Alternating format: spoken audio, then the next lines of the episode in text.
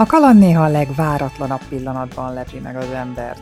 Szereplőink saját életükből vett érdekes, izgalmas, szórakoztató történeteiket mesélik el. Tarts velem a Kalandvágyból sztori adásaiban, és hogy ne maradj le az új részekről, iratkozz fel a csatornára. Új-Zéland nagyon biztonságos, mindenben tényleg a biztonságot keresik. Tudtuk, hogy mikor fog elvonulni ez a, ez a párnapos ciklon, és nem mondom, jó, hát akkor jó idő végre kezdődik, tehát nem esik az eső, menjünk el kirándulni. Egy nagyon sima útvonalon mentünk, egy vizesést mentünk el meglátogatni, és már kifele mentünk a parkolóba, tehát ráadásul már tényleg a túra végén voltunk, amikor anyjával egy kicsit lemaradtunk fényképezni, és amikor megfordultam, akkor csak azt láttam, hogy édesapám fekszik a földön, és kiabál, hogy, hogy fussunk oda. Ugye odafutottam, és hát sajnos az a rész, ez még mindig a szemem előtt van, ahogy megemelte a lábát, és leficcent a sípcsont fele. És hát ugye tudtam, hogy kész eltört. Nem, nem tudtam volna egyedül vele mit csinálni, a pont nem volt a közelünkben senki, hát ne, nem, nem voltunk messze, körülbelül egy 3-400 méterre voltunk a parkolótól, és az volt az egyetlen egy viszonylag nagy szerencsénk, hogy emellett a túra mellett ott van a helyi vadőröknek a telephelye. És hát ugye mondtam, hogy azonnal jövök, kifuttak a, a vadőrökhöz. Hát ugye apa gyorsan elmondta, hogy mi történt, sima, egyszerű, lapos területen megcsúszott a lába, és rá esett a lábára, tehát attól törte két helyen a sícsontja. Hát kifutottam a parkolóba, ott vettem pár levegőt, hogy még fussak tovább a, a vadőröknek az állomásához, de ott indult az első pozitívum, hogy egy négy főből álló turista, fiatal turista csapat meglátott, és kérdezték, hogy mi a probléma, és akkor hát ugye mondtam nekik, hogy mi történt, és a fiú az egyből felajánlotta, hogy pattanjak be mellé gyorsan a kocsiba, és átvisz, hogy ne kelljen tovább futnom a parköröknek a telephelyére, a másik három pedig felajánlotta, hogy addig ők bemennek a szüleimhez, mert nincsenek messze, visznek neki vizet, meg megnyugtatják, hogy én intézkedem. És kimentünk a parkörökhöz, pont ott voltak, mondtam, hogy mi a szituáció, mondták, hogy semmi probléma, menjünk vissza, ők hívják a mentőket, ők intézkednek, és akkor ott találkozunk a helyszínen. És én kint vártam a mentőket,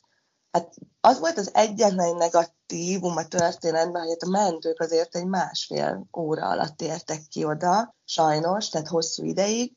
Viszont képzeld el, hogy ez a parkör férfi ebben a másfél órában guggolva, szög egyenesen tartotta édesapám lábát, amíg oda nem értek a mentők. És meg sem mozdult. Ugye én kiberohangáltam a parkoló és a, a, a helyszín között, Körülbelül ugye 300-400 méter, tehát nem volt messze, de hát ugye át a parkör is látta a palábán, hogy ezt, ezt nem szabad megmozdítani. De közben megjött egy másik madőr kislány, egy nagyon fiatal, szerintem ilyen pálya kezdő lehetett, vagy gyakornok, és ő egyben mondta, hogy majd ő itt marad, ő benavigálja a mentősöket, én menjek be nyugodtan a, a családhoz.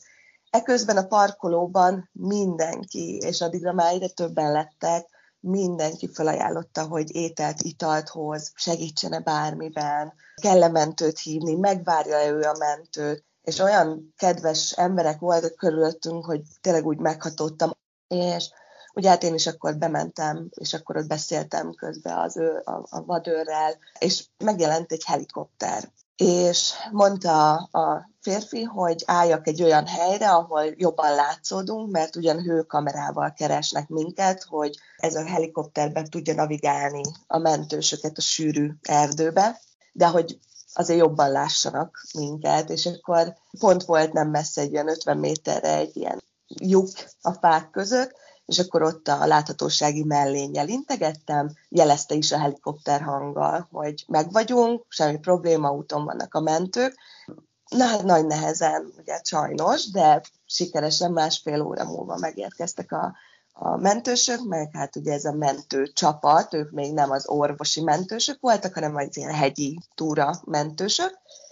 és velük volt egy orvosnő. És hát akkor ugye gyorsan megvizsgálta, látta, hogy igen, hát hogy ez el van törve, simbe tették, levették a cipőt, kapott ilyen, tehát ugye a fájdalom ellen ilyen gázt, amit szívnia kellett, és akkor ugye közbe leszették a lábára a cipőt, levágták az oknét, simbe tették, hordáira fektettük, és turistákkal együtt a hordágyat kivittük a parkolóig. Tehát tényleg vadidegen emberek is, és egyből jöttek és segítettek. És akkor addigra megérkeztek a mentők, Hát ugye felvettük gyorsan az adatokat, elmondtuk, hogy mi történt, ez ráadásul szombat, persze szombat délután, és akkor mondták, hogy hát beviszik az első kórházba, ugye a legközelebbi kórházba, be is értünk, végig a mentőbe is beszéltek hozzá, és annyira érdekes volt, mert ugye én elmondtam, hogy semmilyen nyelven nem beszél édesapám a magyart leszámítva, és ezáltal engem tényleg mindenhova úgy vittek, mint valami hivatalos tolmácsot, és mindenhol megköszönték a jelenlétemet, hogy ott vagyok és fordítok, viszont soha nem hozzám beszéltek, hanem mindig édesapámra néztek, és mindig hozzászóltak, én pedig közben ugye fordítottam, vagy ugye válaszoltam az orvosoknak. És beértünk a kórházba, és azzal indítottak, hogy bevitték egy egyszemélyes ilyen várószobába, ahol ráhúzták ugye a függönyt, hogy teljesen el legyen zárva mindenkitől, nem ott ülsz 50 órát, tudod, egy, egy váróteremben, mindenki szeme láttára szenvedve, majd megjött az első orvos, elvitték röngerre, bemehettem vele a röngerre, ugye segítettem fordítani, és akkor sajnos hát a röngerről kiderült, hogy két helyen tört el, eléggé csúnyán, tehát műteni kell. Mondták, hogy ez a kórház nem műtős kórház, ő csak egy sürgősségi betegellátó, és innen akkor át kell vinni a nagy központi kórházba. Este 9-10 fele indultunk el a másik kórházba, ugyanúgy mentőt hívtak. Ott kapott egy ideiglenes gipszet, és akkor is a mentővel mehettem vele. Megérkeztünk az új helyre, rendesen tologatós ágyon bevitték ugyanúgy egy egyszemélyes korterembe, és akkor mondták, hogy hát jönni fog az orvos, de hogy egy kicsit sokan vannak sajnos, de hogy ne izguljunk. Viszont minden, hát azt mondom neked, fél órába jött egy nővérke, és ránézett, megkérdezte, hogy van-e fájdalma, hozzon egy fájdalomcsillapítót, kére valamit, igyon vizet, adategyeztetések zajlottak Ekkora már anyukám és a párom is odaért, mert ők nem jöhettek velünk a mentővel, ők ugye később jöttek utánunk kocsival. És őket sem küldték ki sehonnan. Tehát és ott kerülgettük egymást az orvosokkal, de egyszer nem mondták, hogy jó, akkor legyenek kedvesek, akkor most csak egy ember maradjon ott. És még aznap este ugye fel is vitték, olyan éjfél fele, az összes vizsgálat után felvitték a korterembe, és még oda is, annak ellenére, hogy éjszaka volt felkísérhettük, és még gyorsan elbúcsúzhatunk tőle. Én kint a nővérkepultnál elmondtam, hogy édesapám nem beszél semmilyen nyelven, mi jövünk reggel nyolcra, mondták, hogy reggel nyolckor lesz itt a főorvos a nagy viziten, és hogy akkor elég addigra bejönnünk, és mondtam, hogy ha bármi van éjszaka, akkor hívjanak nyugodtan telefonon, majd fordítok telefonon keresztül, illetve írtam pár mondatot angolul apának, hogy fáj a lábam, szomjas vagyok, vécére kell mennem, és az ilyen hasonló fontos szavakat, ami esetleg éjszaka előfordulhat. És reggel nyolcra visszamentünk, pont ott volt a főorvos, ő is korrekten elmondta, hogy most előkészítik és viszik is le a műtőbe, elmondta, hogy milyen lesz a műtétnek a menete, hány óráig fog körülbelül tartani, mikorra jöjjünk vissza, mert felesleges itt megvárni, altatásos műtét lesz, illetve hogy hát fémlemezzel fogják rögzíteni a két helyen eltört sipcsontot. Ugye mi akkor ismét hazajöttünk, majd a műtét után egyből a főorvos úr felhívott, hogy sikeres volt a műtét,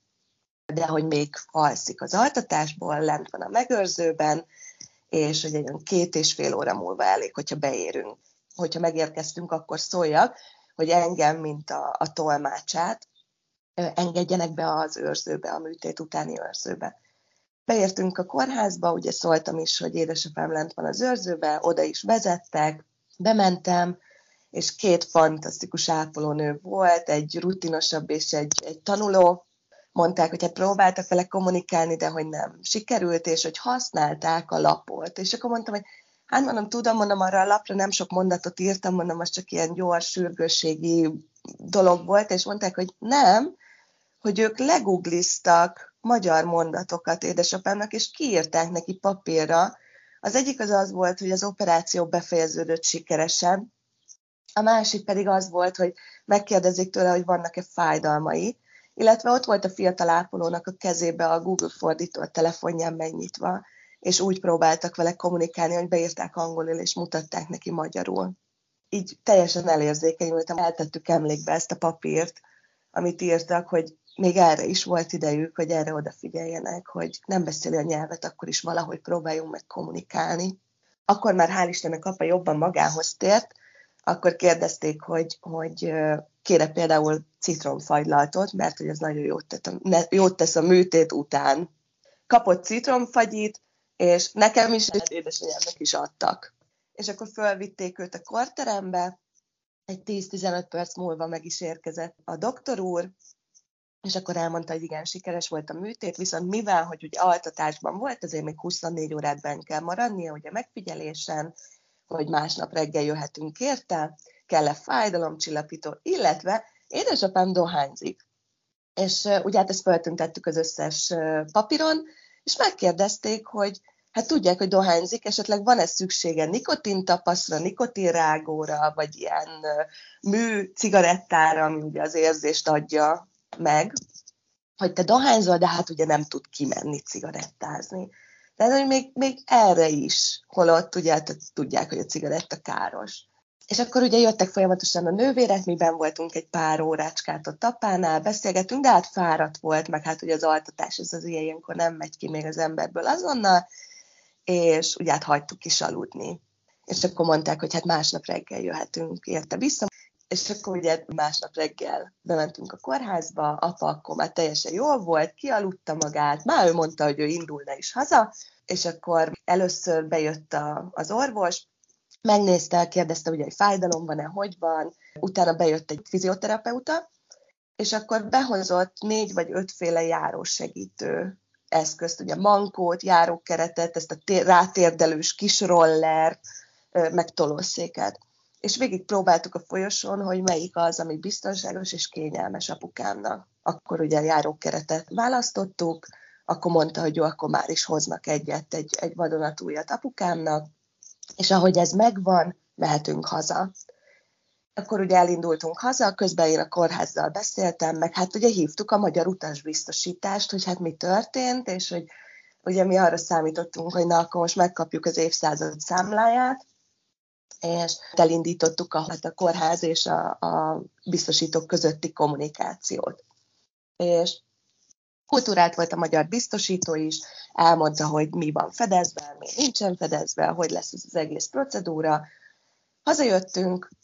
másnap hoztak ki apukámnak a zuhanyzóba ilyen kis széket, meg esetleg, hogyha a WC-re kellett, akkor ilyen WC mellé ilyen támasz plusz segédeszközt házhoz hozták, és akkor mondták, hogy semmit, csak a járókeretet kell visszavinni a kórházba, hogyha nem probléma. A többi az ugye higiéniai okokból nem kell. Másfél hét múlva mentünk ellenőrzésre, küldték e-mailbe, hogy hova kell menni, hány órára kell menni, és hogy akkor mi lesz magán az ellenőrzésem. Elmentünk vizsgálatra, mondták, hogy hát egy fél órás csúszásban vannak az időponthoz képest, fél órával később bent is voltunk a korteremben, szintén újra privát szobát kapott, levágták róla a gipszet, megnézte az orvos, mondta, hogy tökéletesen szépen gyógyul, megnézték a röntgenfelvételeket, mondták, hogy nagyon jól sikerült a rögzítés, tehát semmi probléma nem lesz, és hát hogy ők arra gondoltak, hogy hát ezt a fekete tépőzáras járósegítő, hát nem fix gips, sajnos nem tudom milyennek magyarul a neve, egy ilyen csizmát fog kapni, és akkor ez már sokkal kényelmesebb lesz, ugye az csak térd alá tehát nem, nem az van, hogy az egész lábát nem tudja behajlítani. És föltették neki, és akkor már ki is sétálhattunk. És hát ugye a kórházban mindenki tudta, hogy édesapám látogató, nyaralni jött, mindenki úgy sajnálta az egész utazásunkat, hogy most is elmondta, mert ugyanaz az orvos volt itt, aki műtötte, hogy hát igazából ezzel a gipszel, ezzel a járó segítővel elindulhatunk, hogyha szeretnénk, mert ezzel tud menni, jönni, használja a járó, járókeretet, és ő semmiféleképpen se hagyják ki a déli szigetet, mert csodálatos. Ugye közben a biztosítóval is beszéltünk, folyamatosan minden nap szinte hívtak, hogy mik a fejlemények, és akkor mindig kérdeztem, hogy nem kaptak még számlát, mert nekem a kórházban azt mondták, hogy hát a számla az körülbelül 6 nap, 7 nap múlva várható. Én kaptam egy SMS-t az itten ilyen, ilyen hát TB-től, mondjuk úgy, az itteni TB-től, hogy elfogadták a kérelmemet. És így hogy néztem is, hogy milyen kérelmemet, hát én nem kértem semmit, és nem vettem igénybe semmilyen ellátást. De közben rájöttem, hogy ugye édesapámnak mindenhol az én telefonszámom van megadva, felhívtam őket, hogy, hogy ez tulajdonképpen mit jelent. És kiderült, és én például ezt se tudtam, hogy hogyha Új-Zélandra jön valaki nyaralni, és balesetet szenved, tehát nem, nem vakbélműtét, vagy bármi hordozott betegség általi műtét van, hanem ilyen balesetet, hogy autóbaleset, vagy tényleg ez, ami történt velünk, ezt teljes mértékben az új-zélandi állam fizeti. Tehát ez az egész procedúra, a két mentő, a kórház, a helikopteres segítség, az extra kimentő csapat, ugye ez a rescue team, ez nekünk egy fillérünkben sem került.